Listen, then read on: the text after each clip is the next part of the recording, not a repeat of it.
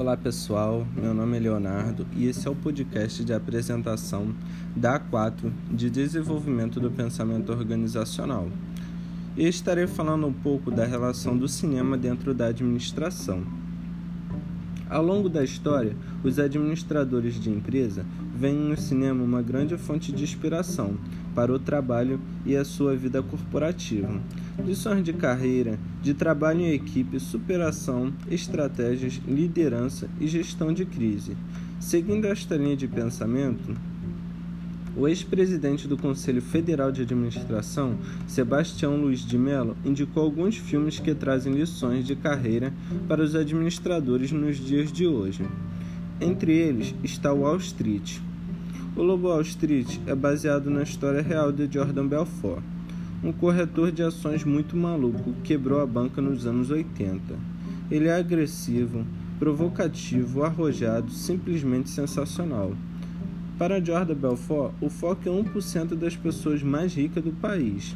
Ao concentrar o foco de sua equipe em um único claro grupo de clientes, Jordan Belfort foi capaz de criar uma abordagem de vendas absurdamente vencedora.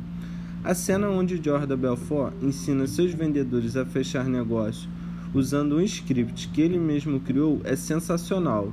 Nos dias de hoje, o líder que não souber vender está frito. Ele nunca vai entender de verdade o que o vendedor realmente precisa fazer para vender, e assim nunca conseguirá cobrar os vendedores do que tem que fazer. Consequentemente, será enrolado por um bando de vendedor pangaré que tem por aí. A abordagem de vendas é tudo. Dedique um tempo considerável para criar uma abordagem de vendas matadora, que todos os vendedores concordem em usar para conquistar o mercado focado em que vocês decidiram atuar. Podemos concluir que se você não tiver um foco absolutamente claro sobre o tipo de cliente que você quer conquistar, você nunca conseguirá criar uma comunicação que sensibilize os clientes a fazê-los agir em sua direção. O problema do mundo é a comunicação. Ninguém entende ninguém. Se você não dedicar um tempo para entender o problema das pessoas, elas nunca vão entender suas soluções. Leve um tempo para entender a linguagem das pessoas. Foco é tudo para atingir esse objetivo. Ótimo dia e obrigado pela sua atenção.